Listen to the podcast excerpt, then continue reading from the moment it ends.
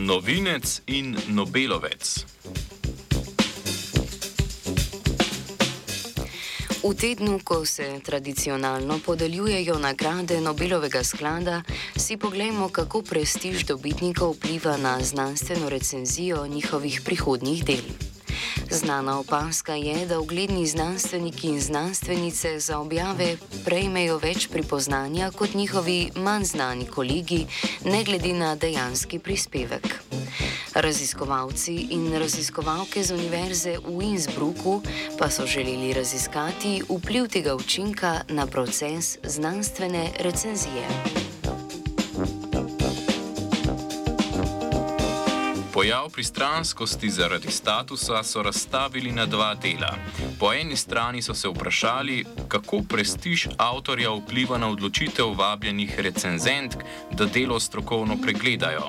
Po drugi strani pa jih je zanimalo, ali obstaja kak vzorec v njihovi presoji znanstvenega članka. V vlogi urednikov znanstvene revije Journal of Behavioral and Experimental Finance so zato k recenziji članka povabili več kot 3300 potencijalnih recenzentov in recenzentk. Članek je imel dva avtorja. Eden od njiju je dobitnik Nobelove nagrade, Nobelove spominske nagrade za ekonomske znanosti, drugi pa je, pa je raziskovalec na začetku karijere.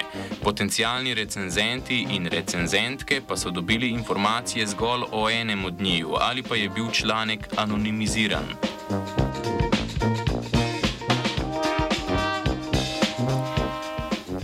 Prvo sito je bilo, ali si je potencijalni recenzent sploh pripravljen vzeti čas za delo, ki praviloma ni plačano. Na to odločitev po ugotovitvah študije najbolj vpliva ime avtorja za korespondenco, ki jo urednik vključi v vabilo k recenziji. Prepoznavno ime tam je znatno povečalo delež sprejetja recenzije, ki je bil 40 odstoten. Nasprotno pa navajanje enega ali drugega avtorja zgolj v besedilu, ne pa tudi vabilu, ni imelo statistično pomembnega vpliva. Tako je bil članek sprejet v recenzijo približno enako pogosto, kot če je bil v vabilu omenjen zgolj manj znani avtor in sicer je bil delež približno 30 odstoten.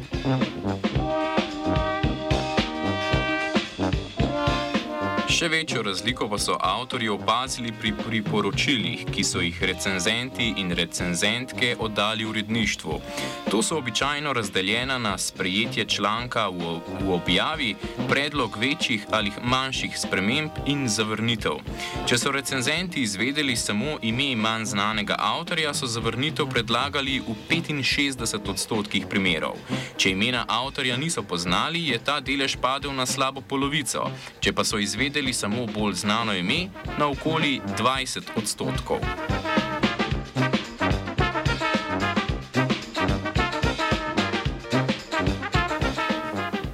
Za razumevanje pristranskosti med priporočili objave so dva najbolj pozitivna odziva, sprejetje in predlog manjših sprememb, obravnavali v skupni kategoriji.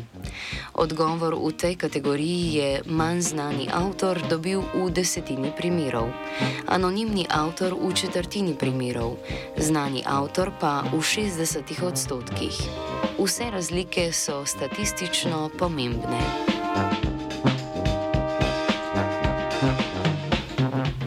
Študija je torej razkrila, da anonimnost avtorjev močno vpliva v proces znanstvene recenzije. Najprej močno poveča verjetnost, da bo anonimiziran članek znanstvenikov in znanstvenic na začetku karijere obravnavan za objavo. Poleg tega pa vpliva na priporočila recenzentov tako, da močno zmanjša delež zavrnitev brez možnosti za spremembe ali popravke. Avtori študije ne verjamejo, da temu potruje tako imenovani učinek Old Boys kluba, saj večina recenzentov ni osebno poznala bolj uglednega avtorja. Na podlagi teh ugotovitev raziskovalci in raziskovalke kot uredniško priporočilo predlagajo anonimizacijo tako recenzentov kot avtorjev na mesto anonimizacije zgolj recenzentov. Prav tako je dvojna anonimizacija bolj zaželena kot zgolj objavljanje korespondence med udeleženci na spletu, poleg objavljenega članka, saj ta nastane šele po prejemu pozitivnega mnenja recenzenta. Dodajajo še, da dvojna anonimizacija ne izključuje nujno objave prednatisa na spletu o podaju revijo. Avtori lahko namreč svojo raziskovalno dodatno anonimizacijo spremembo naslova in izvlečka v prednatisu.